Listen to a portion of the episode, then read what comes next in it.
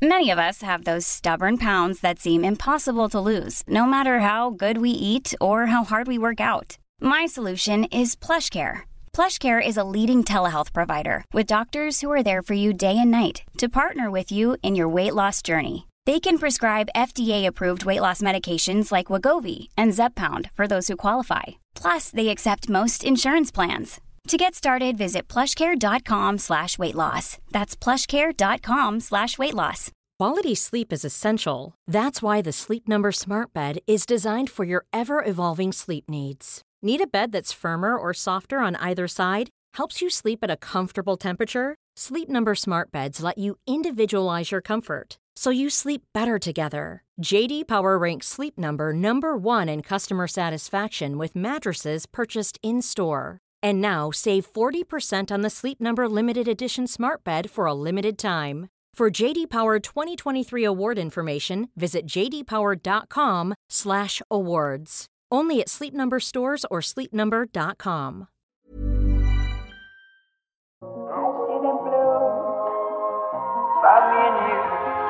And I think to myself, what a wonderful world.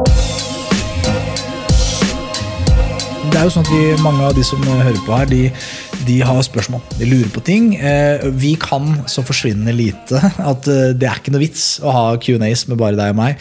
Du kan jo litt, da, Øystein, men, men det er de, de kunnskapsrike folk. Det setter vi høyt. Vi, vi, vi digger folk som kan mye. eh, Og eh, dagens gjest han kan utvilsomt eh, mye. Og han, han er jo en må jo kalle det en slags influenser, men det er min type influenser. Det er min type influenser, for at influenser tenker man folk med trutmunn som tar selfies. Jeg tror dagens gjest er dårlig på det. Men han er jævlig god på å formidle kunnskap eh, på Instagram. Som i hvert fall jeg følger han. Jeg har fulgt han i lenge og, og eh, har mine beste øyeblikk på Instagram når jeg sitter og, og snoker historiene hans. Eh, Det er en ære å ha deg på besøk. Eh, Jeg kaller deg jo Prestasjon, men Andreas Stokkeland, mannen bak Maks Prestasjon, velkommen til oss.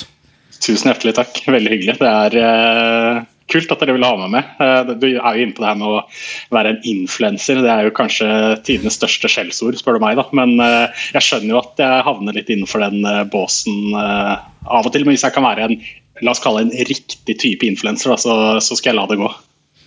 Ja, det mener jeg absolutt du er, og det, det å være influenser i seg selv er jo ikke nødvendigvis Det kommer jo an på hva du influerer med, da. Og jeg føler der treffer du i Du treffer eh, spikeren min på, på huet. Men bare veldig kort først, bare historien bak. fordi eh, Sånn jeg opplever det, så er det jo eh, bakgrunnen din er innenfor ernæring og mm, trening, helse. Hva, hva, er, liksom, eller, hva er bakgrunnen din? Ja, ehm, hva er bakgrunnen min? Jeg starta jo egentlig å studere økonomi og forretningsjuss, eh, men så fant jeg ut at eh, det var ikke helt eh, min greie. Ehm, falt, skjønte at tall og sitte bare med regnskap og sånne ting, det, nei, det var ikke noe som appellerte til meg, så da fant jeg ut at det her gidder jeg ikke. Så jeg droppa ut eh, derfra og bestemte meg for å studere noe jeg heller eh, fant interessant, og det var jo trening og kosthold. Jeg endte da med kostholdsbiten, så jeg har fem år med ernæringsbakgrunn der, med spesialisering innenfor idrettsernæring. eh, Hvor jeg har da de to siste årene gjennom IOC, da, som har et eget program for idrettsernæring. Og I tillegg til det så har jeg jo da PT-studiet ved siden av da, for å ha treningsbiten, men sånn rent akademisk så er det jo ernæring som på en måte er tyngden min. da. Kult. Eh, og så, Hvordan begynte dette Max? For det er jo sånn jeg kjenner deg, da, gjennom dette Max prestasjons... eh, altså egentlig Instagram-brukeren din der, som, som alle bør løpe og sjekke ut eh, hvis man har litt interesse for sånt. Hvordan kom den til?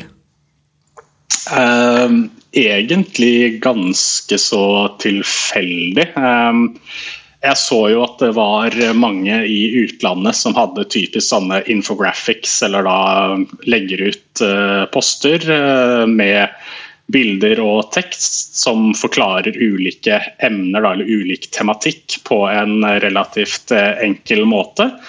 Eh, Og så så jeg at det er ikke så mange i Norge som eh, driver med akkurat det. Så da bestemte jeg meg for å Eller målet mitt var egentlig ikke å bli en la oss kalle det en influenser. Jeg ønsket bare å formidle trening, kosthold og helse på en enkel måte.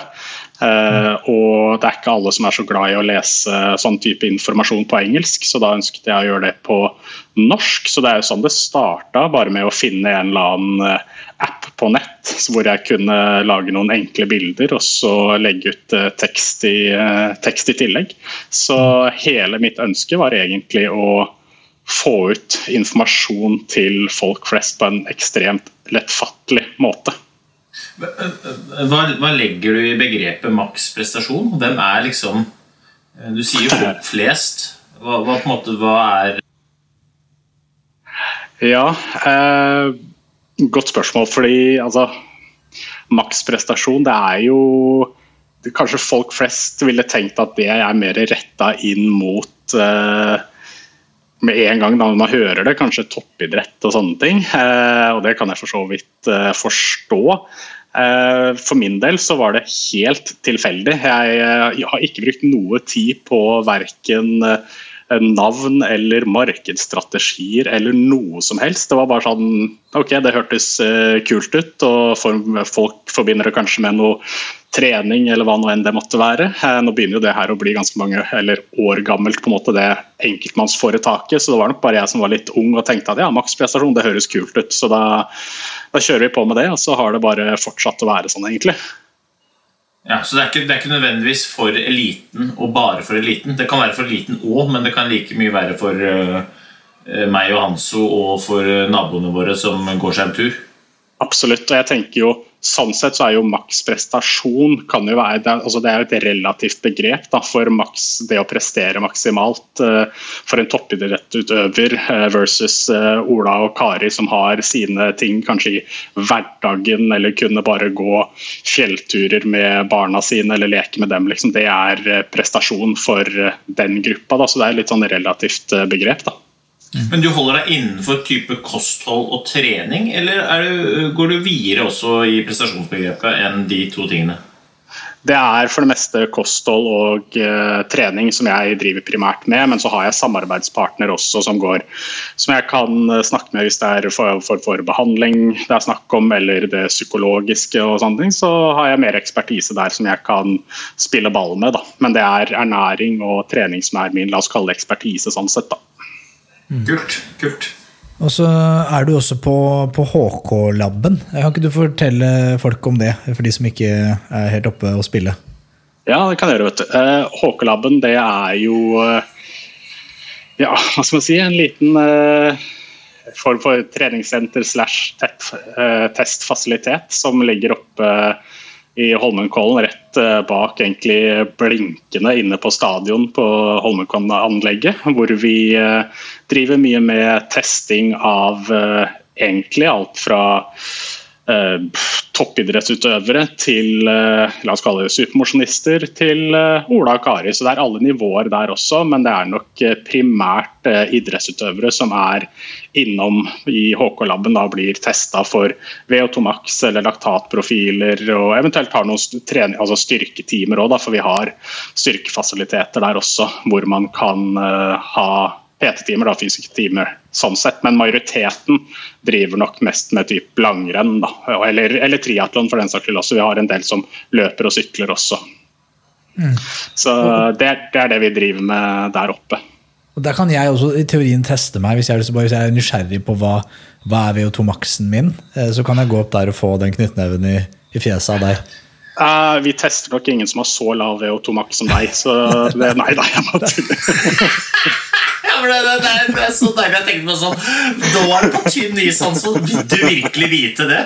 Jeg tror vi kan trille terningen isteden. Og bare håpe på at du får seks. Nei da. Det er ja, bare å komme innom. Men eh, boys, vi knekker i gang med Q&As, gjør vi ikke det? Eh, folk har, vi har lagt ut noen poster på Instagram. Eh, folk har skrevet inn. En del folk har hatt, vært mye spørsmål, eh, og mye bra. Vi, vi, rekker nok ikke alle. Men jeg, har, jeg skal liksom prøve å plukke ut de jeg tenker er aller mest uh, interessante. Da. Og så får dere heller uh, skyte meg hvis uh, dere er misfornøyd med at jeg, de jeg velger ut. Ja, Du sier er, dere?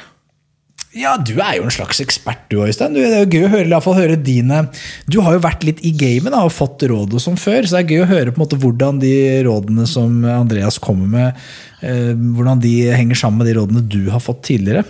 Ja. Og om det er motstridende, eller om det, er, eh, om det gir mening. Time er will tell. Time will Time tell. tell. Andreas, er du klar? Jeg er klar. Kjør. Vi kjører. Spørsmål nummer én, sendt inn av Kjetil. Eh, han sier som følger. Eh, Ofte har jeg en utfordring med magen om jeg spiser så nært som to timer før trening. Blir prestasjon dårlig når det har gått en stund siden matinntak? Noen ganger lang tid etter mat, tre-fire timer. Noen ganger trenes det før frokost. Det var et eh, langt spørsmål, da, først og fremst. Men eh, hvis vi tenker på matinntak eh, tett opp mot eh, trening Jeg forsto det sånn at eh, vedkommende opplevde ubehag ved mage, eller ja, med magen sin hvis han spiste tett opp på trening. Var det sånn? Rundt to timer? eller noe sånt? Ja, ja og dette her, dette her har en far som også uh, snakker om Han heter ikke Kjetil, han, men han også snakker om det at han kan ikke For jeg sier sånn, du må, du må spise Vi skal ut og jula løpe noen intervaller sammen. Uh, og, og da var han sånn, han kunne ikke spise, så han ville, heller- han ville løpe på nesten tom mage enn å spise litt før. Eh, og, for, og det mener han at det er fordi han, han føler seg dårlig. da. Eh, Ja. Eh, og der tror jeg det er litt viktig at man skiller litt mellom hva slags type måltider man har før en treningsøkt. Du har, kan jo ha store, ganske tungt fordøyelige måltider eh, som ofte ikke er eh, veldig fornuftig hvis man skal trene tett opptil, og gjerne da to timer. og Det høres kanskje ikke så tett opptil ut, men eh, hvis man har et, la oss kalle det en eh, stor, stor frokost eller lunsj eller middag og skal trene inn kanskje to timer etter, så er det enkelte som kan oppleve at eh, magen slår seg litt vrang. eh, Og det kan jo ofte være knyttet også til at mye av eh, blodet da, i kroppen vår er jo primært i fordøyelses, fordøyelsessystemet etter et måltid. Og når man da skal starte å trene, eh, så vil jo egentlig mest av muskulaturen vår ha blodtilførsel. Og man er ikke helt sikker på hvorfor det oppstår, men at det trolig er en liten link mellom holdt på å si, fordelingen av blod mellom fordøyelsessystem og muskulatur under arbeid, og at enkelte takler det ganske greit, mens eh, andre sliter. Og for de som eventuelt opplever at et eh, matinntak rundt to timer før kan bli problematisk, så kan man kanskje forsøke eventuelt med mindre måltider som er mer lettfordøyelig, sånn typ litt tettere opp på trening. Så istedenfor å ha typ en, eh, la oss si en stor middag eller en stor lunsj, eller hva det måtte være, så kan man ha en liten banan eller en eh, yoghurt med noe musli opp, eller noe som ikke krever like mye av fordøyelsessystemet vårt. Eh, Så det å endre litt på porsjonsstørrelser kan, kan fungere for enkelte. Men i tillegg så er det litt sånn For han var jo inne på det her med eventuelt å trene eh, før frokost, altså da fastende, som man ofte da kaller det. Eh, for en, altså her kommer det jo litt an på hva slags type aktivitet man også skal bedrive. Da, fordi styrketrening ser ut til å gå temmelig greit når man eh, altså trene fastende. Men hvis man skal drive med typisk intervalltrening, eh, krever eh, over en lengre periode, da, høy intensitet over en lang periode, eh, så ser det ut til at eh, man helst bør få i seg noe før treninga. Eh, Noen klarer seg ok uten, men på en sånn generelt grunnlag så bør man få i seg noe før en eventuelt intervalløkt, da, som har gjerne en høy intensitet over tid. For selv om styrke sånn sett er intensivt, så er det kun intensivt i et par sekunder når du utfører de repetisjonene, mens en intervall har jo gjerne en mye lengre varighet. La oss si det har en total arbeidstid da, på et sted mellom 20 til eh, 40 minutter, litt avhengig av hva slags nivå man er på. og Så har man noen pauser imellom oppvarming og hele den biten der, så blir jo den aktive arbeidstiden mye lenger. og Derfor krever det mye mer f.eks. karbohydrater i muskulatur eller i blodomløpet da, for å komme seg gjennom en typisk intervalløkt enn en styrkeøkt hvor du kjører la oss si, 8 til 10 repetisjoner, da, og så har du en pause på kanskje to minutter. Så den aktive arbeidstiden er jo ikke like lang i en, i en styrkeøkt, så krever man heller ikke like mye energi tilgjengelig og vil kunne bruke mer av f.eks. fettlagrene sine da, i, en, eh, i en hel styrkeøkt, sammenlignet med en intervall som stiller mye større krav til karbohydratlagrene våre, da, fordi intensiteten er såpass høy. Mm. Øystein, hvordan er det når du gikk renn og sånn? Altså, for dette er jo det høres ut for meg som du har ganske dårlig kort på hånda hvis du skal være profesjonell langrennsløper og vinne OL-gull, og så kan du ikke spise mat før du skal ut og gå. Ja, så du, eh, Hvis du er på elitenivå, så trenger du ikke nødvendigvis å spise mat heller. for Det det er snakk om her, er jo å få energi. da. Eh, jeg har gått Vasaloppet uten frokost, men jeg har ikke gått Vasaloppet uten energi. Jeg har gått Vasaloppet på, på gel herfra til evigheten. så her er det snakk om å, å, å Eh, og sørge for at kroppen har mest mulig tilgjengelig energi eh, til enhver tid. Og Én ting er jo å spise fastende, du, eller trene fastende, men da må du i hvert fall være bevisst på hva du har spist på kvelden før, da, slik at du vet at yes. ok, ryggen og magen kan godt være tom, men muskulaturen må være fulloada med glykogen. Eh, og nå husker jeg ikke, Er det 400 gram cirka, glykogen man kan lagre? Det man, hvis man er litt sånn røft, sier jeg at du har ca. en time hvis du har fullagra eh, kroppen med, med, sukker, med energi, så har du ca. en time med Bon Johnny i kroppen før du går tom. Problemet er jo bare at hvis du begynner å spise etter en time, så er det allerede for sent. Så du må begynne egentlig før du starter, og så må du da bare få i deg så mye som overhodet mulig. Så jeg løser jo det f.eks. med Hvis man ikke liker å spise før, så kan man jo ta om det er en banan eller en yoghurt, eller hvis du er en supermosjonist, ta deg en gel, da. For det koster jo ingenting for magen, men er jo da uh, litt avhengig av hva slags type gel du tar, da, fra 25 til 40 gram uh, karbohydrater i en sånn smæle. Det er jo en halvtime. Da, har du en halv, da kjøper du en halvtime da, hvis du er uh, heldig. Uh, uh, og selv så løste jeg jo det der med å stelle meg på start i Vasaloppet og bare ha fått i meg sukker gjennom gel. Og så, så, tok jeg da fire gel i timen hele tiden. Mm. Det, er 100 gram, det er 100 gram karbohydrater per time. Og så drakk jeg sportsdrikk ved siden av. Jeg, jeg, jeg, sier ikke at det er å anbefale, men hvis man ikke klarer å spise, så kan man jo prøve det. Eh, jeg kan i hvert fall si det at det, er ingen store idrettsprestasjoner, uansett idrett, som er gjort med magen og ryggen full av møkk eller mat. Så ærlig kan jeg si.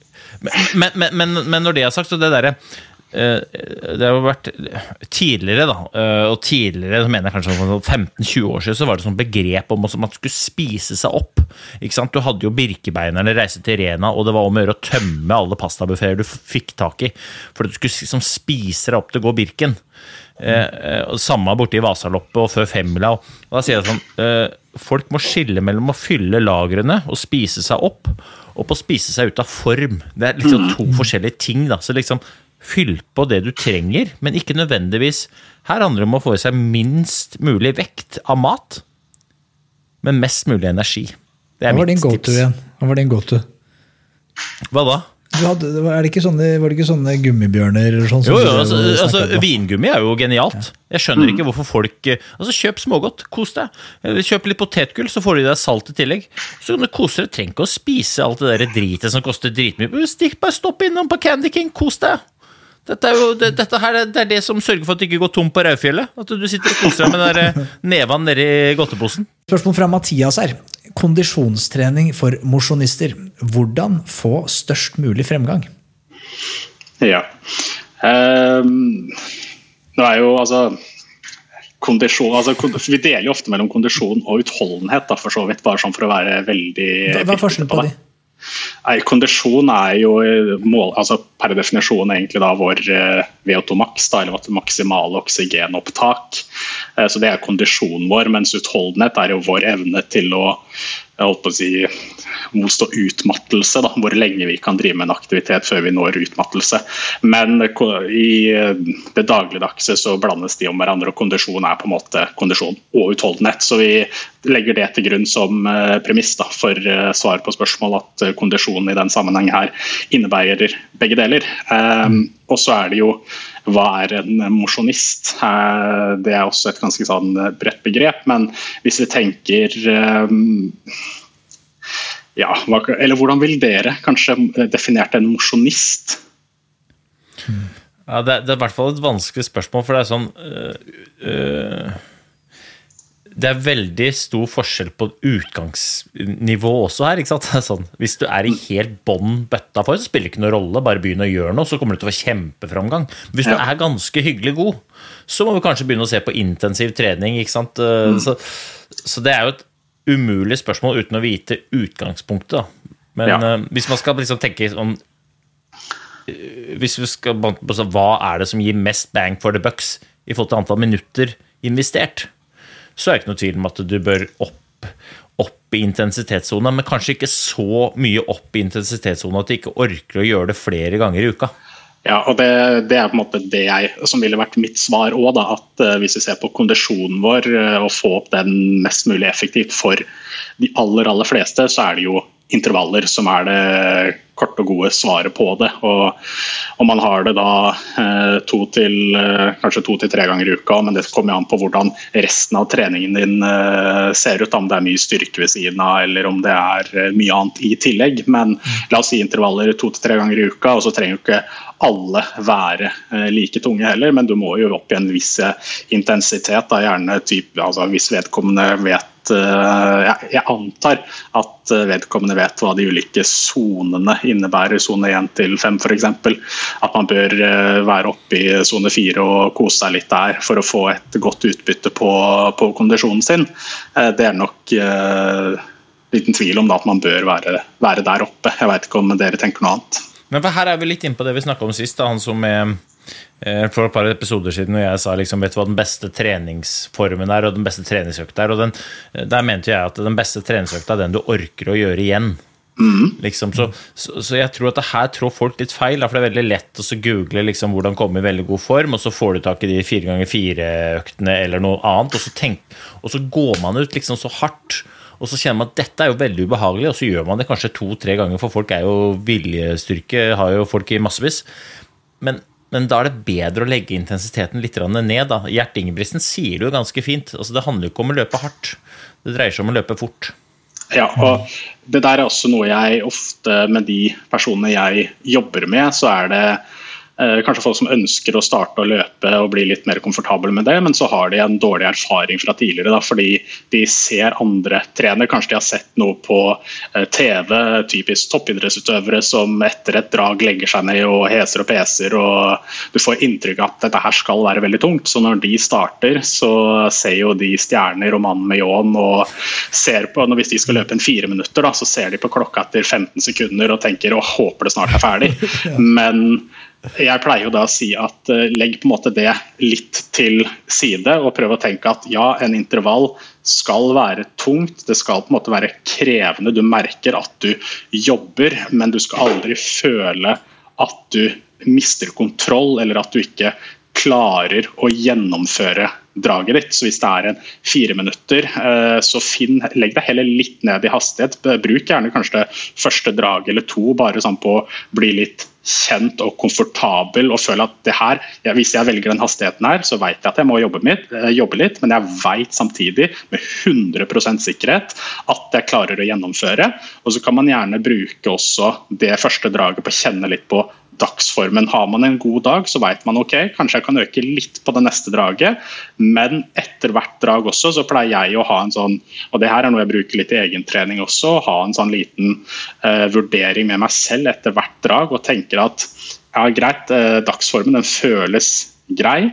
Uh, hvis jeg skal øke hastigheten nå, så skal jeg kunne si til meg selv at jeg er 100% sikker eller 99% sikker på at jeg klarer å gjennomføre det kommende draget med ønsket kvalitet. Og Hvis jeg er usikker, så holder jeg meg heller på den hastigheten som jeg hadde på det inneværende draget. Så For min del så er det viktig at man skal ja, det skal være tungt, det skal være krevende, det skal ikke være en søndagstur, men du skal fortsatt ha kontroll, du skal føle at det tekniske fortsatt sitter. Og gjerne når du er ferdig med eller nærmer deg slutten av et drag og du hopper av, eller hva nå enn, så skal du fortsatt sitte med en tanke at ja, jeg kunne fortsatt litt til uten at jeg allikevel døde. For jeg tror det er litt av det mange ofte frykter, er jo at når de hopper av, hopper av mølla, så, så, er de litt usikre på om de i det hele tatt klarer å gjennomføre neste draget sitt. Altså det, er sånn, det er litt min tanke rundt intervaller. da. Jeg, jeg har jo brukt eh, begrepet smilepuls, jeg, da. Hvor jeg sier det at eh, Og det er litt fordi at eh, inngangen til en treningsøkt som mosjonist eller som mann i gata er helt annerledes enn inngangen til en treningsøkt som eliteutøver. For at eliteutøverne de trener for oss å tappe kroppen for energi. Deretter hvile for å få tilbake energien. Mens jeg bruker i hvert fall, det er min personlige mening, at jeg bruker energi nå som en kilde til å få energi.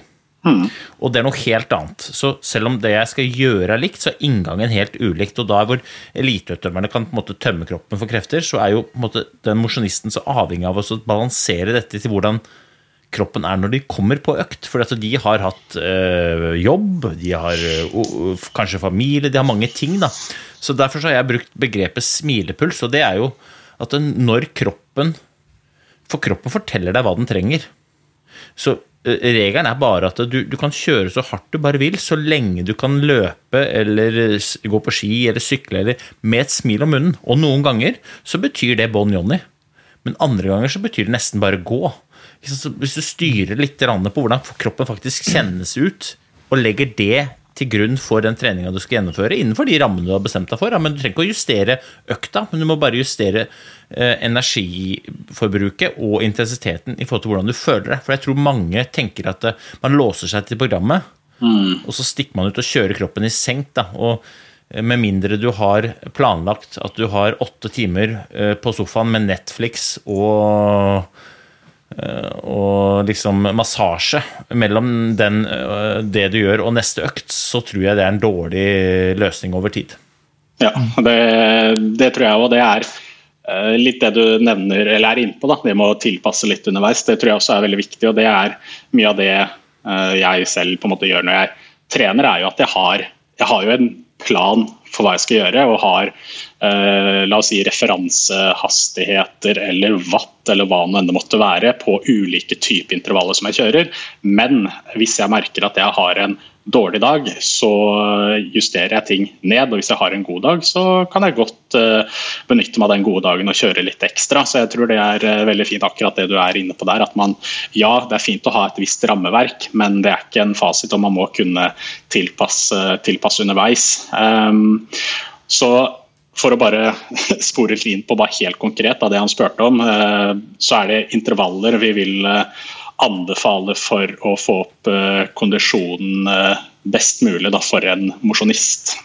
Oppfølgingsspørsmål der. og det, er litt sånn konkret hvilke intervaller. for vi var inne på det litt, eller Dere var inne på det, og som jeg kjenner meg veldig enig i. Jeg husker første gangen jeg skulle løpe fire ganger fire intervaller, og det, det skjer fortsatt, ville sikkert skjedd nå. Så, så overvurderer jeg selvfølgelig egen form. Fire, jeg skjønner ikke hvor lenge fire minutter er. Altså Fire minutter er dritlenge. Så jeg banker jo i gang selvfølgelig litt altfor høyt tempo.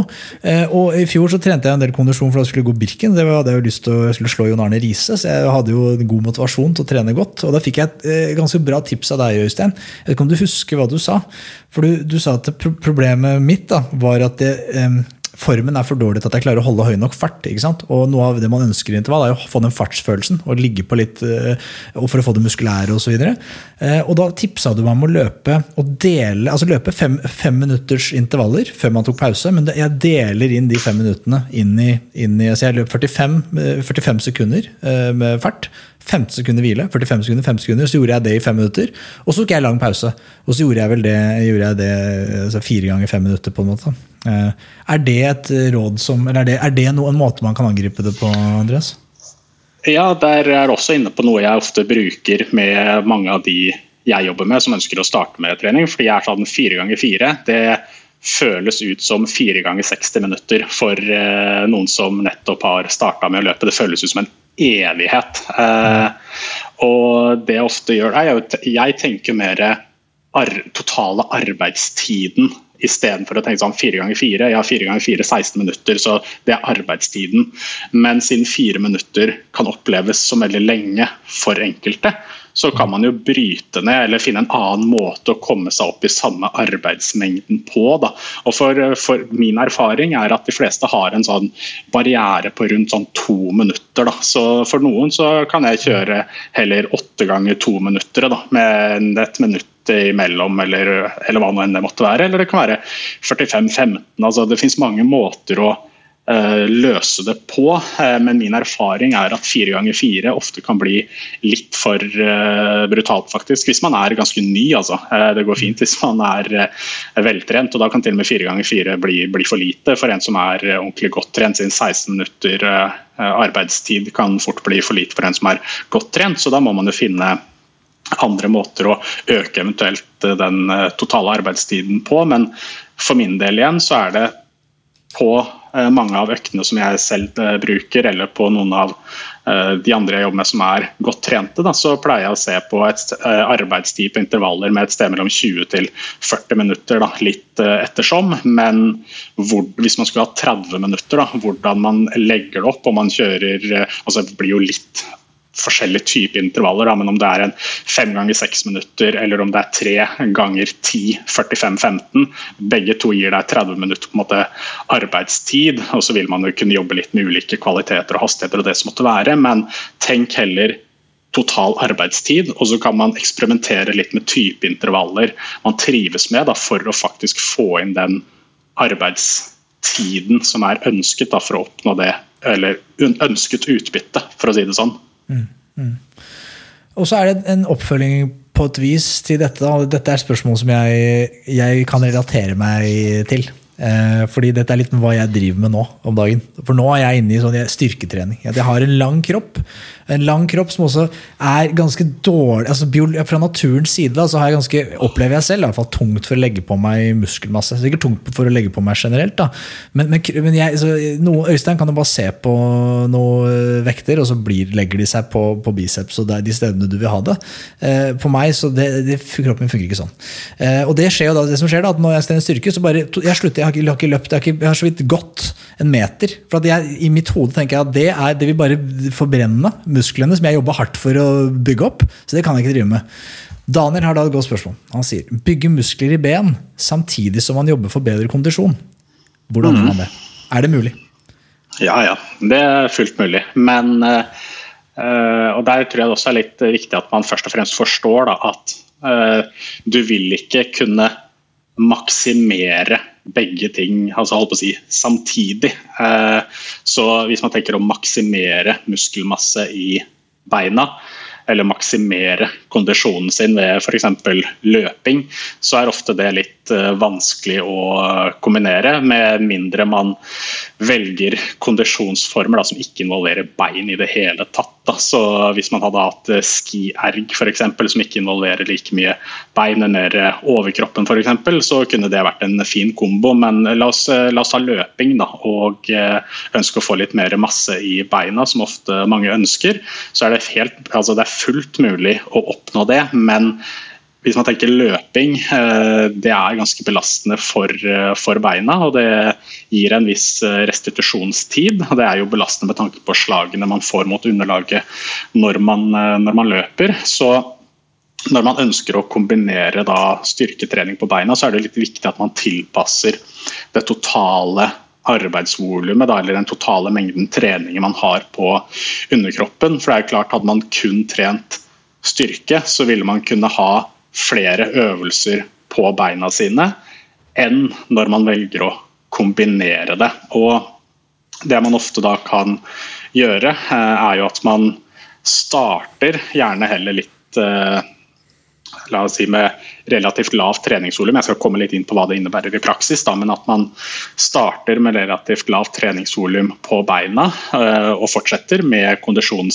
kondisjonstreningen sin. For litt av poenget her er jo at du, du må finne en sånn balansegang hvor man kan trene bein uten at det nødvendigvis påvirker løpeøktene dine i nevneverdig grad. For det er vanskelig å få god kvalitet på løpinga hvis du er pinnestiv og merker at det er vondt i beina å løpe. Du merker det litt kanskje i knær, i litt hofter, eller bare når du starter å varme opp at det nesten sånn småstikker litt i beinmuskulaturen fordi du er såpass støl og stiv. og Da går du litt uh, mot sin hensikt. Så det handler om å finne den balansegangen, og hvis det lar seg gjøre, så bør man jo gjerne ha her, de to aktivitetene kanskje på separate dager. Da. At du har egne styrkedager og egne kondisjonsdager. Men det er fullt mulig å få bra masse i beina samtidig som man får god kondisjon. Skulle du si noe? Jeg, jeg, bare, så genetikk er jo ganske viktig her, da, fordi at eh, Jeg har jo kanskje det motsatte problemet av Daniel. Jeg ser ut som en legokloss, har alltid sett ut som en legokloss. Og jeg jobber alt jeg kan for å se mindre ut som en legokloss. Men uansett hva jeg gjør Jeg, altså, jeg, har, jeg har ikke tatt mye knebøy i mitt liv, altså. Men når man- folk ser på beina mine, så tenker de sånn oh, Trener du mye knebøy? Nei. Jeg gjør ikke det. Jeg jogger masse, og så står jeg og staker. Eh, Ikke så mye, men litt. Og så er beina mine sånn som de er. Så på en måte det er jo ikke sikkert at det, eh, Daniel eh, kan bli så veldig svær. For genetikken vil jo styre her, men det er jo forskjell på å være Man kan jo bli sterk selv om man ikke nødvendigvis endrer utseendet så innmari mye. Sånn, det er ikke sikkert at fyren kan bli sterk i beina Nei, svær i beina, men han kan bli jo dritsterk. Og det er sånn øh, Og man skal ikke undervurdere det å så jogge heller. Altså Løping er jo dritbra styrketrening for beina. Du blir jo sterk på en eh, på en måte i beina òg. Altså jeg, jeg er ganske sterk i beina. Jeg har ikke trent noe styrke på dem? Ja, men det er fordi du er født Jeg vet, jeg vet ikke Andreas, men jeg, for min egen del, da, som, jeg, vi har nok litt ulik genetikk, du og jeg, Øystein, så vet jeg at eh, de, sånn som Det under har vi. korona Skjeggvekst også. ja, litt annen skjeggvekst. Men under korona så, så stenger jo gymmen. ikke sant? Og da hadde jeg trent sånn jeg, jeg tre, liker å trene styrke, syns det er ålreit. Og, og også litt det at det, jeg føler at det, det er det som jeg, kroppen min trenger da, for at jeg skal føle meg best og se best ut. Eh, Men da var jo ikke det, det var vanskeligere å trene styrke med, med, med vekter. Så da ble jeg jo tvunget eller da hadde jeg lyst til å, Jeg liker jo å trene, så jeg ble løpende mer. Trene mer kondisjon. Og så trene, trene eh, sånn kroppsvekt. Altså jeg, sånn hangups og, og dips og på noen sånne, sånne tuftegyms og sånn rundt om i byen. Um, og da merker jeg at jeg, jeg går veldig raskt ned i vekt, eh, og, og, og også da i muskelmasse. Um, er, det liksom, er det genetikken bare som jeg, jeg er dømt til å måtte ha det sånn, da? Eller er det Ja, det er øh, dessverre det, altså, det fins det man kaller typisk hard gainer.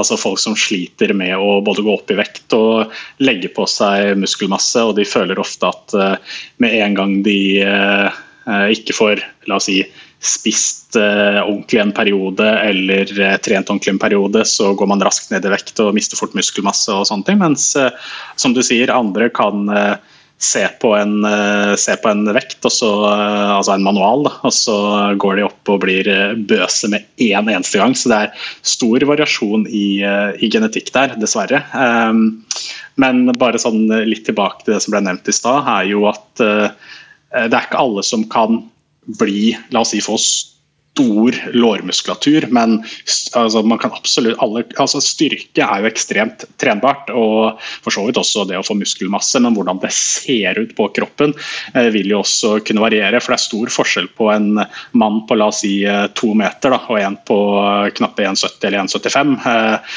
og det vil se, selv, altså En på to meter kan ha mye mer muskelmasse enn han på 1,70 eller 1,75, men han på 1,70 eller 1,75 vil jo kunne se mye mer eh, bøs ut, fordi han vokser jo holdt på å si, bare i bredden, mens det er ikke like mye areal å drive og fordele denne muskelmassen på. Så eh, selv om en eh, person på to meter kan ha mye mer muskelmasse totalt i låret, så kan allikevel den som er lavere kunne ha annen type muskelstruktur da, å se ut som vedkommende kanskje har en mer rund og fyldig muskulatur, uten at nødvendigvis den totale muskelmassen er så veldig stor forskjell. Stor forskjell. Her har man jo lengde på lårbein og lengde på armer og alt mulig rart som påvirker liksom hvordan muskulaturen vår ser ut. og Det har jo litt med utspring og feste. Du har jo noen som eh, ikke har trent skuldre, nei, jo, som ikke har trent skuldre omtrent i hele sitt liv, men har ganske runde skuldre. Og så har du jo de som trener skuldre så å si hver eneste dag for å få disse runde skuldrene som alle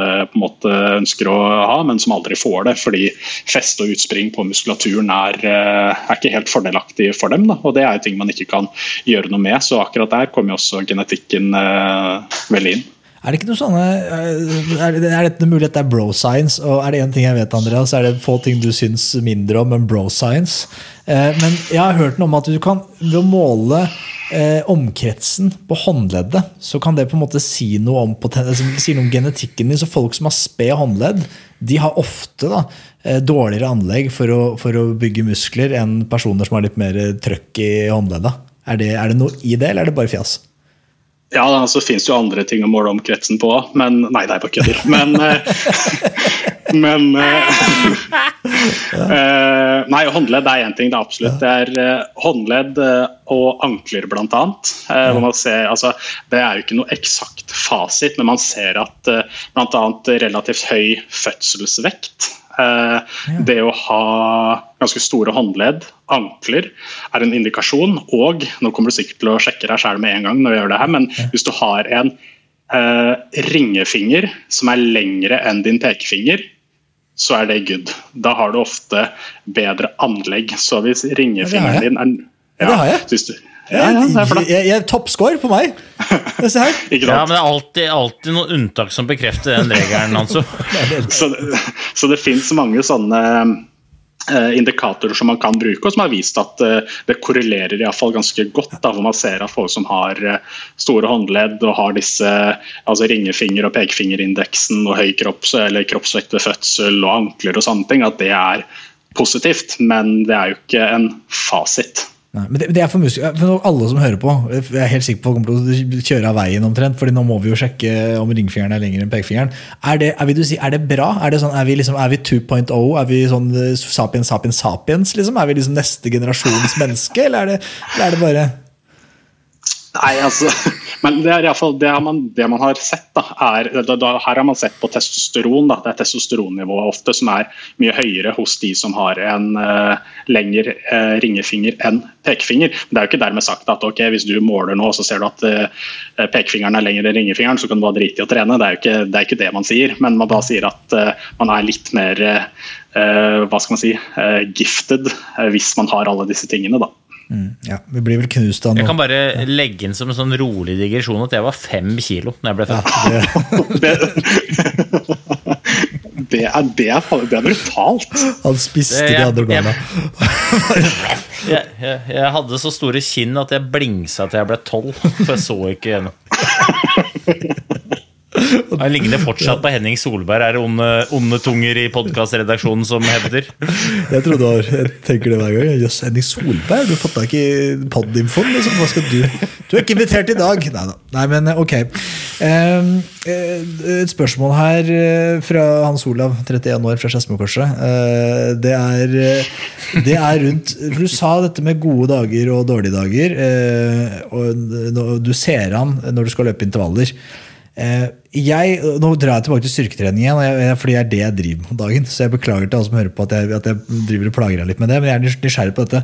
Jeg er veldig sånn, eh, nå, nå driver jeg med program som heter Starting Strength, som jeg opplever ganske gode resultater med da, til min fysikk. Eh, eh, Nesten litt høyt volum, tror jeg. For min, altså jeg tror det blir for mye. Det skal skottes noe innmari. Da. Det liksom, ligger litt i grunnen her. Hvis du kjenner programmet, men til de som hører på som ikke vet det, så er det mye knebøy.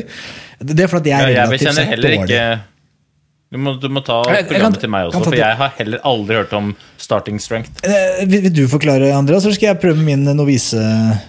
Nei, nå er det, det er mange herrens år siden, eh, så du kan eh, gå inn, men jeg veit det er mye baseløft. Ja, det er, det er en fyr som heter Mark Ripetoe, eh, som har utvikla dette. og Han, han, har på en måte, han også har en sånn, no bullshit-tilnærming til trening. Han mener at liksom, spesielt sånn styrketrening på gymmen har blitt veldig sånn her Instagram og ta 100 000 biceps curls, og så tar de egentlig bare og setter eh, noe eh, annet enn multivitaminer rett i, i rassen.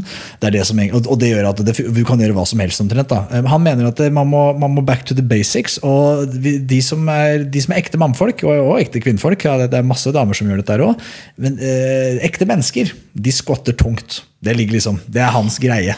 Så det skal skottes. Det skal skottes mye, det skal skottes riktig, og det skal skottes jævlig tungt. Så programmet hans er, er, er ganske enkelt. Eh, Det innebærer stort sett baseløft. eh, Og hver eneste gang du er på gymmen, så skal du starte med tre sett med tunge, tunge knebøy. Tre ganger fem. Eh, Og skal du øke progressivt, så hver fuckings økt, da, så når du klarer, så skal du, du skal, hver gang du klarer femmerne, så skal du øke. Og du skal alltid trene tungt. Det er ikke noen sånne eh, dager hvor det nå er litt lett og litt teknikktrening. Nope! Det skal trenes tungt. Og, og, og, teknikktrening det gjør det i oppvarming. Eh, og så er det det samme med benk, og så skal du løfte militærpress. Eh, og så skal du er, det, har han sånn Markløft er også viktig, men du skal bare gjøre én ganger fem. For han mener markløft det er så taxing for kroppen. Da. Så der har han liksom, skal man spare kroppen litt. Veldig kort fortalt så er det opplegget. da. Eh, og det er det veldig mange som har god suksess med. fordi at når du løfter baseløft, så, så trener det hele kroppen. Så det, det, er jo derfor jeg gjør det. det at jeg har ikke så mye tid å bruke på trening i løpet av en uke. Og når jeg først, den tiden jeg bruker, vil jeg bruke effektivt. Eh, og knebøy trener jo, hvis du gjør det riktig, omtrent hele kroppen. Eh, og i hvert fall da, i beina, da, som jeg relativt sett er svak på. Men uh, her kommer til spørsmålet mitt. da.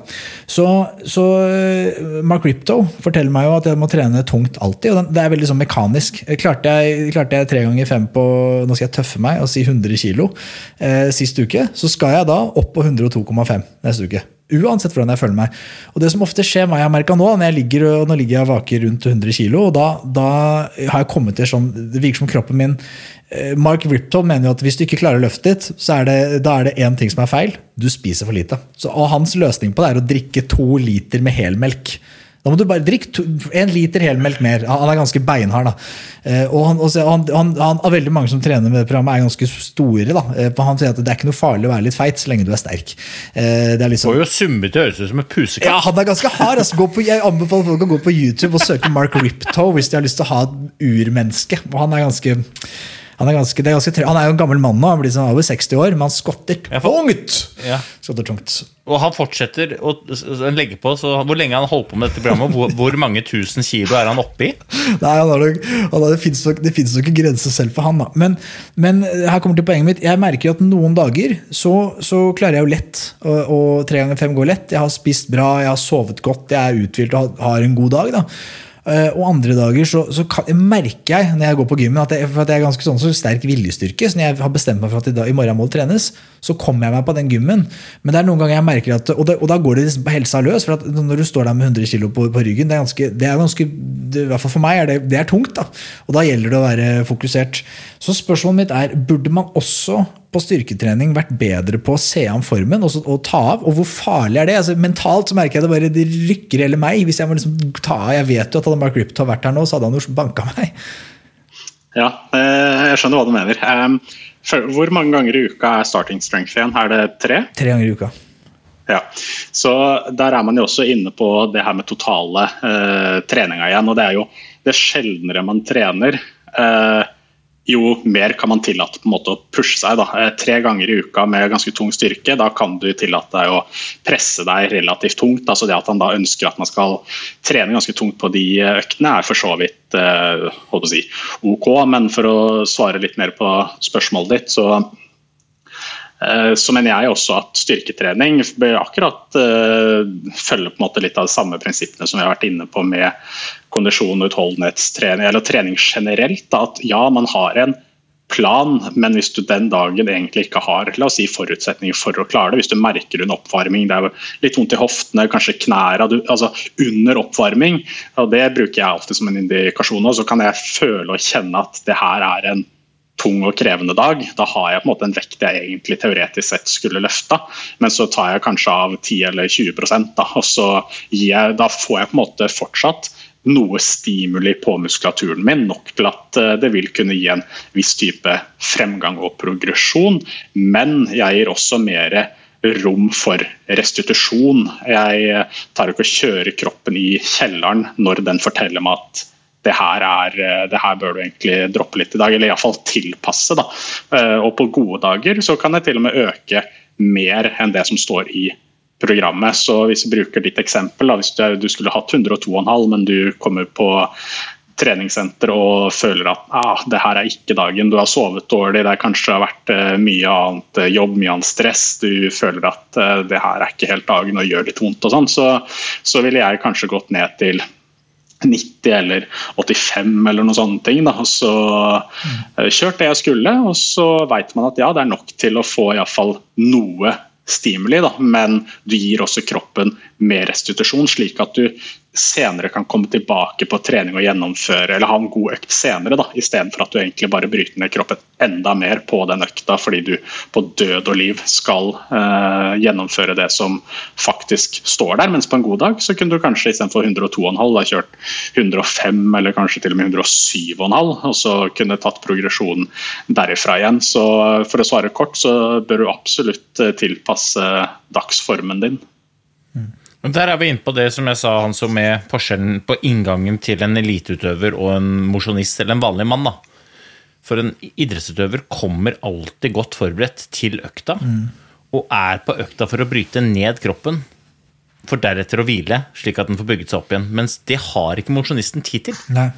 Og noen ganger så kommer de på trening med allerede nedbrutt kropp, og den treninga er jo en arena for å så skape energi. Mer enn å bryte den ned. Og trening i seg selv bryter kroppen ned. Og hvis du kommer inn og er kjørt, så vil ikke du bli noe bedre av å grave høl i den kjelleren. Eh, Men det er klart at han der hardingen her, han bør jo selvfølgelig Jeg skal ikke gå han i næringa jeg med å si at det er dumt å kjøre seg selv i grøfta. Men jeg sier det allikevel, altså. Ja, det er bare raskt der, der prøver jeg ofte å sammenligne.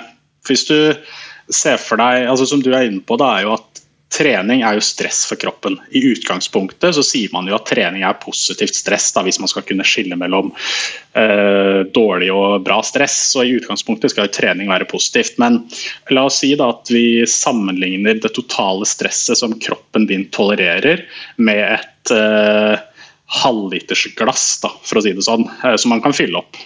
Eh, og så er det jo forskjell igjen hvis du har eh, ligget på sofaen en, eh, en hel helg. Da. La oss si du hadde slappa av hele lørdagen og eh, skulle trent på søndagen og det har vært chill og rolig, så vil jo dette glasset ditt være så å si tomt. Det er ikke mye stress oppi dette glasset.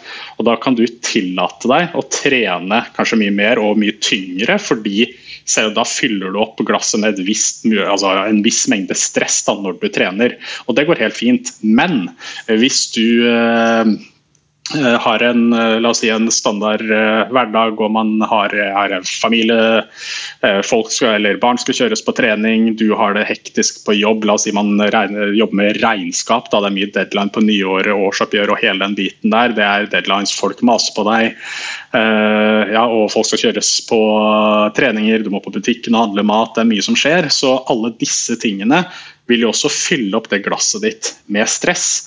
Så la oss si du har en, et glass som rommer igjen en halvliter, men når eh, du har vært på jobb, eh, du har eh, fått eh, kjeft av sjefen, det er fortsatt mye deadlines, du vet at eh, lille Jonathan skal kjøres på trening og hele den biten her, så har du kanskje fylt opp det glasset her med 0,4 da.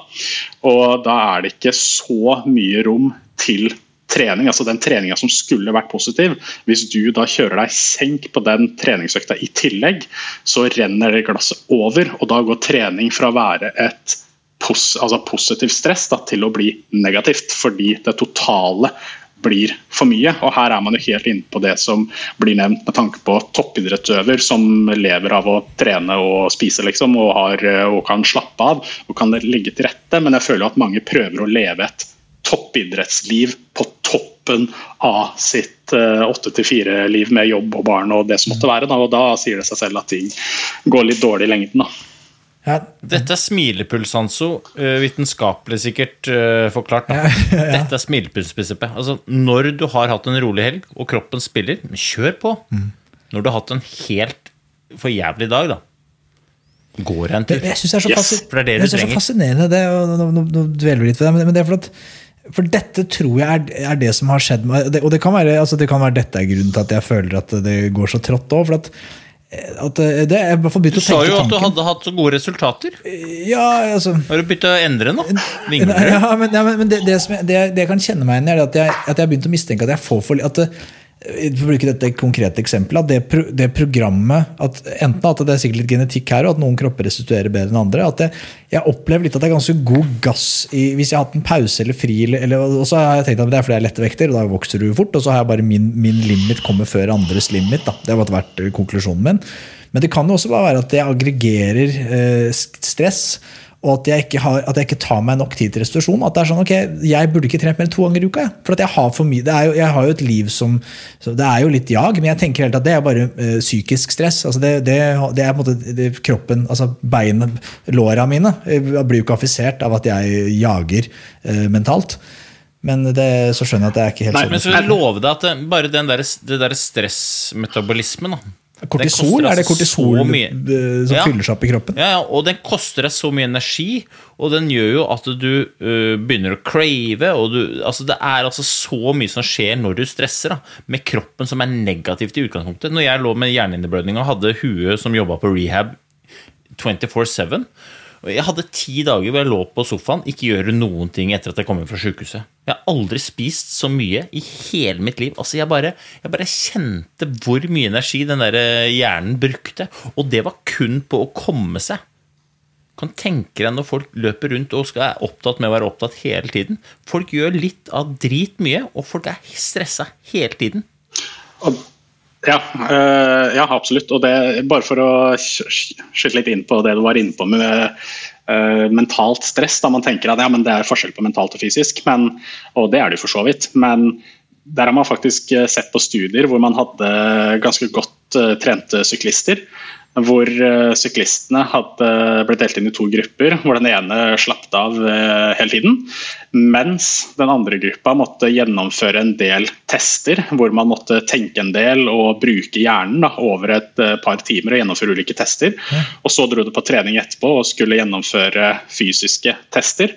Så så man at de som kun hadde brukt hjernen sin, men måtte tenke eh, og løse oppgaver, presterte mye dårligere enn gruppa som bare hadde slappet av. Så man ser at eh, psykisk stress kan påvirke vår fysiske prestasjon.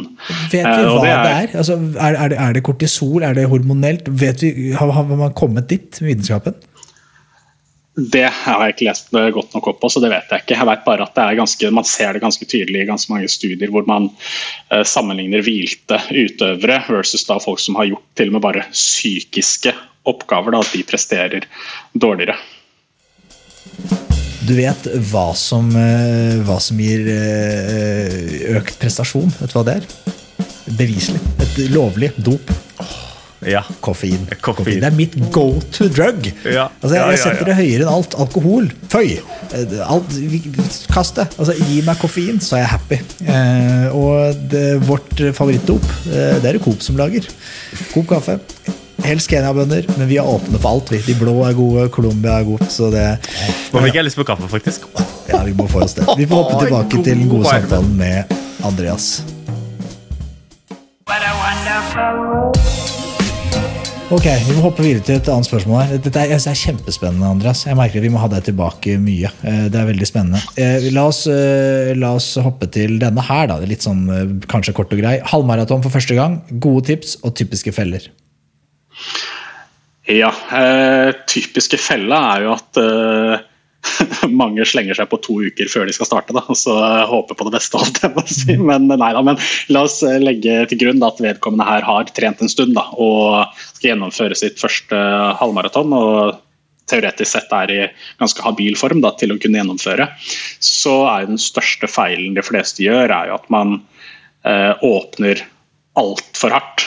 Eh, det går jo bånn spiker, og man tenker mer på alle som er rundt seg, at man skal følge folk. og man, Når man blir løpt forbi, så begynner man å tenke så fælt på at å, herregud, så treigt man løper, og så skal man begynne å slenge seg på alle andre. Så jeg tror første gang man skal gjennomføre et uh, halvmaraton, så er det litt viktig at man Jeg ville jo heller hatt et mål om å gjennomføre fremfor en spesifikk tid. Det er iallfall det jeg ville gjort. At man har på en måte, Den aller første gangen så handler det om å skape bare en mestringsfølelse og komme seg gjennom, om det er på eh, altså det ene tiden eller det andre, det spiller ikke så stor rolle, men bruk den første gangen på å skape deg en litt sånn erfaring. Kom deg gjennom, få en god følelse, og så har du på en måte den uh, erfaringen i sekken. Og så kan man heller neste gang sette seg litt mer konkrete mål når du vet litt mer kanskje hva du går til. Men som sagt, den største feilen de fleste gjør, er jo at man åpner altfor alt hardt. Så Eh,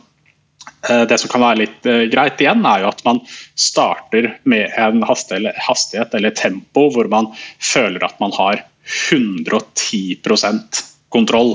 Det kan godt være litt over søndagsturtempo, liksom, men eh, eh, ikke sånn at du puster og peser som bare juling, for da kan jeg garantere deg at du sannsynligvis møter veggen ganske raskt. Eh, og så prøver man heller å bryte gjerne ned halvmaratonet i eh, mindre segmenter. Da, om du bryter det ned i eh, to og to kilometer eller eh, fem og fem eller hva det måtte være, så er det også litt lettere å komme seg gjennom istedenfor å se på klokka så er det sånn herregud, nå har jeg en 18 km, liksom. Så tar man heller og tenker at brytende som sagt i 3 km eller 5 km eller 2, det spiller egentlig ikke så stor rolle, men at man også har en viss plan på at ok, nå løper jeg 5 km på et superkontrollert tempo som jeg vet jeg kan holde i typ all evighet. Se, se nesten på det som en Jeg ville kanskje sett på det som en ekstra lang oppvarming, da, så hakket over oppvarming, bare sånn for å komme seg litt i gang, skape litt uh, godfølelse. Og så kan man prøve kanskje derifra å øke uh, hastigheten noe per hver femte kilometer eller et eller annet, da, bare sånn for å ha en viss plan på det. Um, så det er nok uh, det de, de, tipsene sånn jeg vil komme med først og fremst. Og så er det jo det å helst kanskje For de fleste så løper de ikke maraton på Nei, halvmaraton på under liksom timen eller liksom timen. Det er ikke der folk ligger, folk flest, liksom. Så eh, de vil jo gjerne bruke en god stund da, på å gjennomføre. Og da kan det også være aktuelt med å få inn næring underveis. Altså, er du eh, i verdenstoppen, liksom, så trenger du ikke å få i deg så mye, for du løper jo, blir jo ferdig på den eh, timen uansett. Men det gjelder ikke de fleste, for å si det sånn. Så man pleier jo å si det at med aktiviteter som gjerne går over en time, da, et sted mellom en time til en kanskje også 75 minutter pluss, så bør man sørge for å få i seg bra med drikke og karbohydrater underveis, da, som vi har vært inne på tidligere, hvor man kanskje prøver å få i seg en gel hvert eh, kvarter eller 20. minutt, om det er en gel eller om det er en bar eller om det er flytende i form av uh, noe energidrikk eller, uh, eller sportsdrikk. Da. Og at man faktisk bruker disse drikkestasjonene hvis det er uh, tilgjengelig. Og ikke, også, ikke, vent til du er tørst. Da er det på en måte litt for seint ofte. Så ta heller og benytt deg disse drikkestasjonene, og drikk heller litt for ofte enn eh, litt for, sjelden takk for at det er, For det er litt kjipt å gå opp en sånn type smell underveis. En siste ting også er at det er lov å gå. Og det avhenger jo selvfølgelig litt av nivået. Hvis man har løpt mye fra før, og sånn, så klarer man sånn, som regel å fullføre en halvmaraton uh, si, gjennom hele ved å løpe, men andre strategier kan jo også være at man løper i x antall kilometer, og så har man eh, to minutter pause f.eks., og så starter man på igjen. og Så kan man løpe litt igjen, og så gå, så man varierer litt. Da. Så legg, legg terskelen for å gjennomføre så, så lav som mulig, da, slik at du ikke ender med å gå på en smell. Så Det var et meget langt svar, men jeg håper allikevel at uh, det var noe å ta med seg. Ja, kan jeg få lov til å oppsummere med et litt kortere? Ja, så det er liksom, Det var 40 minutter siden vi snakka om at uh, folk synes fire minutter er litt lenge. Uh, det er sånn Slapp av, folkens. Du har nok tid til å bruke opp alle kreftene dine på en halvmaraton. Enten du løper på en time, eller om du bruker lengre tid. Altså, dette ordner seg. Det dummeste du gjør, er å bruke opp alle kreftene dine mens du enda ser startstreken i bakspeilet. Ja, det er, det er, helt riktig. Så det, ikke ta med deg den der 60-metersmentaliteten eh, liksom, hvor det er eh, bånn pine. Så ta det rolig og kos deg mest mulig underveis. Så tror jeg det med næring er key. Altså. Jeg merka iallfall det når i Brikken, eh, som vi gikk i fjor, Øystein. Så husker jeg du jeg husker jeg tenkte at det her er jo tullete, jeg kan jo ikke spise ha så mye gels. liksom. Altså Jeg klarer det, jeg må jo klare det. Men jeg har aldri følt meg så bra fram til jeg da hadde en time igjen. eller halvannen, Jeg husker ikke hvor vi var, jeg var litt for langt igjen. i hvert fall. Jeg var tom for gel. tenkte jeg det går fint, nå er det bare slutten. Og så ble jeg for tom. Jeg tror jeg hadde gått raskere, jeg hadde hatt litt mer, enda mer gel med meg enn det jeg følte jeg hadde pakka med meg. Og du, for du sa jeg skulle ta det var, en, det var ganske ofte, jeg husker ikke nå, men jeg prøvde å følge slavisk opplegget ditt. Jeg visste jeg hadde litt lite gels, vi hadde selvfølgelig ikke kjøpt inn noe gels. Jeg jeg hadde bare i restlageret ditt, som jeg tok, annekterte. Eh, men jeg burde ha på meg mer gels. Ja, altså det, her, dette mener jeg er et, et poeng som mosjonister undervurderer. For man tenker at man, man har spist seg opp på forhånd med denne berømte pastabuffeen. Og så har man spist en, en gigantisk frokost. Men Men dette dreier seg om å fylle muskulaturen med det den trenger når du skal gå, om det er Birken, eller om det er halvmaraton eller en eller andre. Si at du bruker to timer på å løpe en halvmaraton, og det er det mange som gjør. Så, så, så, så sannsynligheten for at de, de er jo ikke så godt trent at de ligger og liksom og fyrer på, på på, på, veldig høy andel for karbohydratforbrenning, men allikevel så trenger de påfyll. Eh, folk som går Birken, det samme der. altså Første timen er jo bare oppover, men de spiser en bolle, en halv bolle, på Karstadammen. Så tar de kanskje en liten sup, saft, på, på de ulike drikkestasjonene, for de har ikke tid. Altså, Kjære, vakre vene, du kommer til å gå tom. Altså, det, du kan sette deg ned og spise en buffé, du kommer til å tjene på det. Her mener jeg at folk eh, bommer. Altså, de, jeg sa til deg at du skulle prøve å få i deg 80 gram karbohydrat ja. per time. Og det, det, er liksom da mellom tre Jeg sa til deg hvis du klarer å ta én gel hvert 20. minutt så er du der. Og, og, og, grunnen til at jeg sier det, er ikke fordi jeg skal ha lyst til at du skal få hull i tenna, det er bare for at jeg ikke vil at du skal gå tom oppå fjellet der.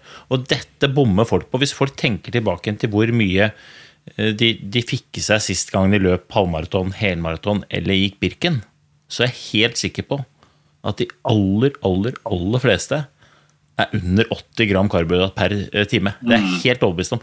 Uh, Tor Asle Gjerdalen vant Vasaloppet i fjor. Det var et rekordraskt føre. Han gikk på rett uh, 3 timer og 20 minutter.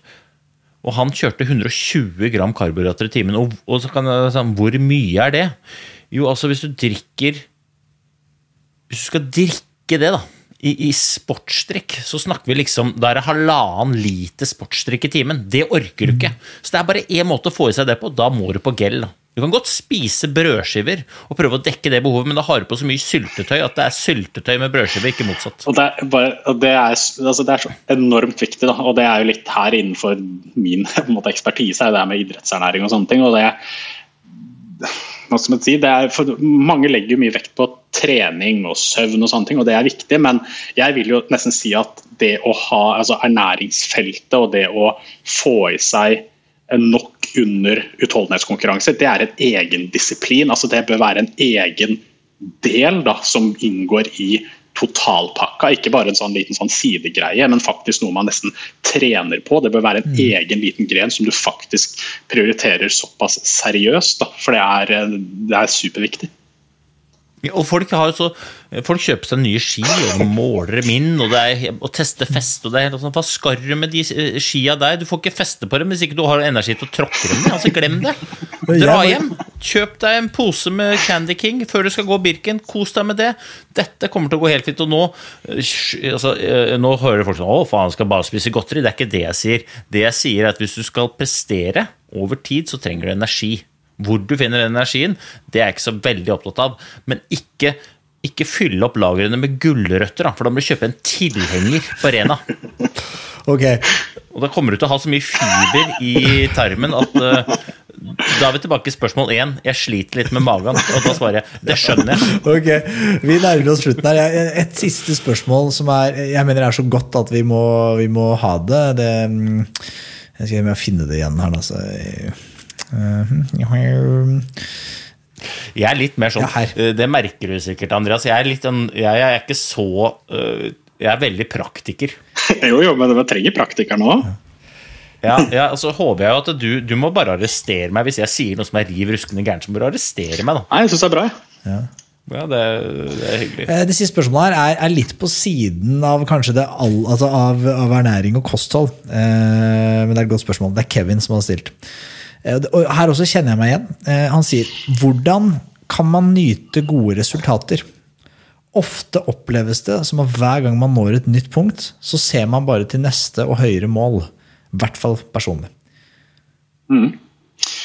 Ja, og det Jeg kan jo kjenne meg igjen i det, men uh, jeg tror jo det er sånn vi er av natur. Da. Vi vil jo alltid ha mer. Eh, men eh, når du har nådd et mål, så er det jo helt naturlig at man ønsker å uh, kunne gjøre ting bedre enn hvis man har et mål om å løpe 10 km på 50 minutter, da, så er jo neste mål om det er 48 eller 45, og når du kommer dit, så vil du på 40. og samtidig så vil vi, vi vil jo alltid nå altså, kunne prestere eller gjøre ting bedre, om det er på trening eller i jobb eller relasjon. Altså, vi vil jo hele tiden utvikle oss, og jeg mener jo ikke det er noe galt i det. Eh, men eh, det å kunne nyte på en måte det si, et øyeblikket man har oppnådd noe Jeg føler ikke jeg er så veldig god på det egentlig selv. Jeg registrerer det og sa det, ok, kult, nå har jeg nådd det. Men det er ikke sånn at jeg popper champagnen og prøver å nyte det og ha det liggende i lang, lang tid. Det, men der føler jeg kanskje at uh, har mer å komme med, da, for du har jo uh, oppnådd noe, holdt jeg på å si. Nå hørtes det ut som ikke vi har oppnådd en dritt, de to andre, men uh, du har jo på en måte oppnådd noe. Den er grei, Andreas. Den er grei. Den er veldig grei. Nei, men Der tror jeg du kan uh, ha mer å komme med. da, Hvordan man skal nyte disse på en måte For det handler jo litt om når man vinner noe, så er det kult og det føles godt og sånn, men hva, hva har du å komme med der?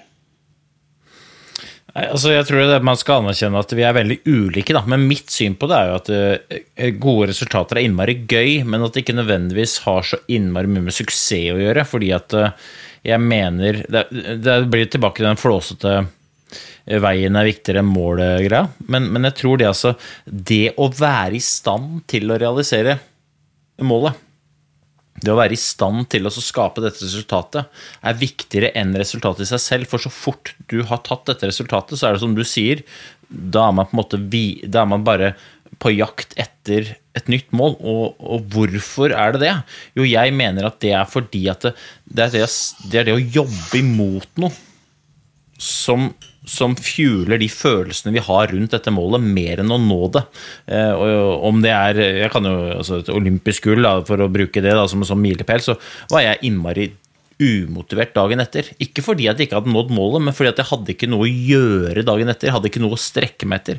Og jeg tror folk kan kjenne seg litt igjen i det. Sånn, I hvert fall skoleungdom, da som gleder seg innmari mye og jobber innmari mye fram mot eksamensperioden, og så kommer sommerferien, som de gleder seg til, og så dag én i sommerferien så står det opp, og så har det på en måte ikke noe å gjøre. Det er bare sånn åh. Mm. Eller hytta. Du bygger på hytta, og du reiser til hytta hver helg, og det er dritgøy, og så er du ferdig med hytta, og så setter du deg ned, og så bare sånn ja, det Terrasse hjemme. Terrasse hjemme, da. Prosjekt. Ja, ja, for det, det, er jo det, det er jo, Jeg ser på motivasjon som en konsekvens av å gjøre jobben, mer enn en faktor for å starte. Og så, og så eh, sier jeg òg det, da, at jeg tror vi skal bli flinkere til å anerkjenne når vi når disse målene, og, og anerkjenne at vi er i stand til å nå disse målene underveis. Fordi at eh, hvis vi ikke gjør det, så tror jeg at eh, verden blir veldig flat. Inntil du går på en smell. Da går du ned en, eh, en dyp dal. Jeg vil jo at det skal være, være, bølgetopper. Og de toppene, det er når du anerkjenner at du har gjort det som skal til for å nå det målet du har gjort, på den måten du har lyst til å gjøre det. Og hvis du klarer å få til det, så tror jeg at du får en jævla spennende reise. Og når du da når målet ditt, for det er jeg ganske trygg på at man gjør, så vil det ikke være så krevende å sette et nytt et, samtidig som du anerkjenner at fy faen, jeg er kommet et godt stykke på vei. Ja, og ja, det er jeg helt enig med deg. Og så men det er sånn hvordan man Still spørsmål en gang til, helt uh, ordrett, for det var en ting jeg tror jeg vil snakke litt mer om. Hvordan kan man nyte gode resultater? Ofte oppleves det som hver gang man når et nytt punkt, så ser man bare til det neste og høyere målet.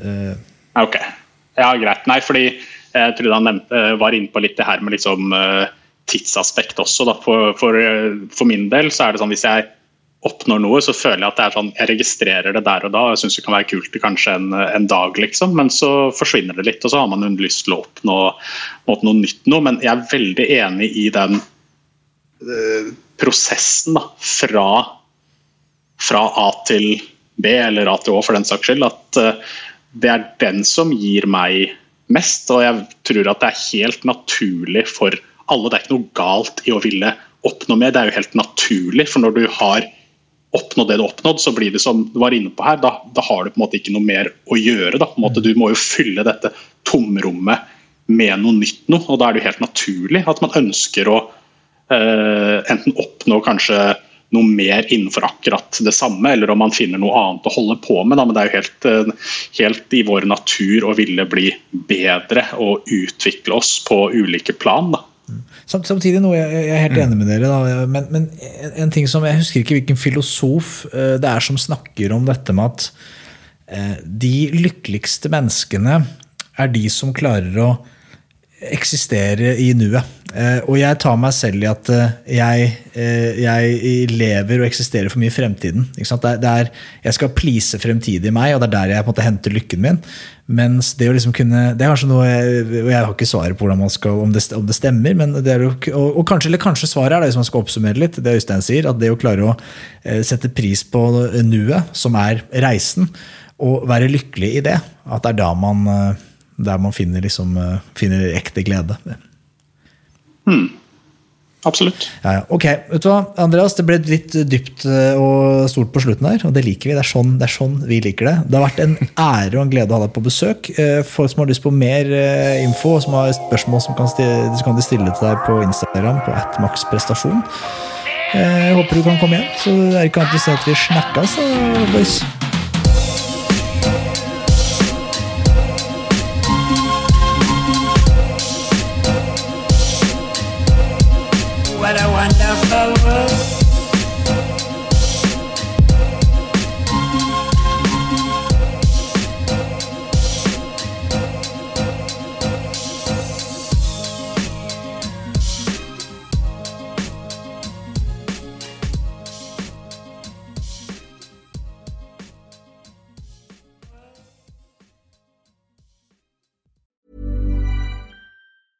Hey, it's Danny Pellegrino from Everything Iconic. Ready to upgrade your style game without blowing your budget? Check out Quince. They've got all the good stuff shirts and polos, activewear, and fine leather goods, all at 50 to 80% less than other high end brands. And the best part? They're all about safe, ethical, and responsible manufacturing. Get that luxury vibe without the luxury price tag. Hit up quince.com slash upgrade for free shipping and 365 day returns on your next order. That's quince.com slash upgrade.